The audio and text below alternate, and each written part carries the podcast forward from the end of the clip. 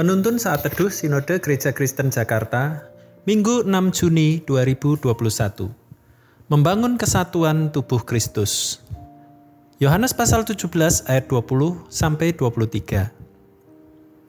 Dan bukan untuk mereka ini saja aku berdoa, tetapi juga untuk orang-orang yang percaya kepadaku oleh pemberitaan mereka, supaya mereka semua menjadi satu, sama seperti Engkau, ya Bapa, di dalam aku dan aku di dalam Engkau, agar mereka juga di dalam kita, supaya dunia percaya bahwa Engkaulah yang telah mengutus aku, dan aku telah memberikan kepada mereka kemuliaan yang Engkau berikan kepadaku, supaya mereka menjadi satu, sama seperti kita adalah satu, Aku di dalam mereka dan engkau di dalam aku, supaya mereka sempurna menjadi satu, agar dunia tahu bahwa engkau yang telah mengutus aku, dan bahwa engkau mengasihi mereka sama seperti engkau mengasihi aku.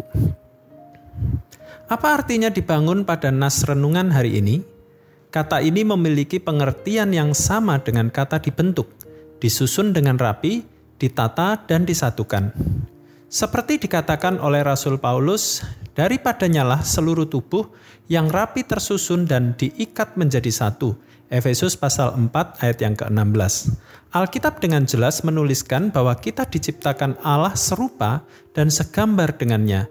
Artinya adalah terdapat kesatuan yang erat antara Allah dan manusia. Dan kesatuan itu didasarkan pada hakikat Allah Tritunggal yang tidak terpisahkan. Namun kesatuan Allah dengan manusia yang erat ini telah rusak oleh dosa manusia kepada Allah. Melalui penebusan Kristus, relasi yang rusak itu dipulihkan kembali. Tuhan Yesus berada dalam pergumulan yang berat. Dia berdoa bagi kita semua. Yesus mengungkapkan dan menerangkan bahwa kesatuan antara Dia dan Allah Bapa sebagai dasar untuk membangun kesatuan semua orang percaya – Yesus menghendaki agar semua orang percaya menjadi satu sama seperti Dia, Allah Bapa dan Allah Roh Kudus adalah satu. Kesatuan Yesus dengan Bapa mengacu pada kesatuan hidup dan sehakikat. Kesatuan Allah Tritunggal adalah kesatuan yang memiliki, mengasihi. Yesus berdoa bagi semua orang percaya agar hidup mereka berada di dalam kesatuan sekalipun ada banyak perbedaan.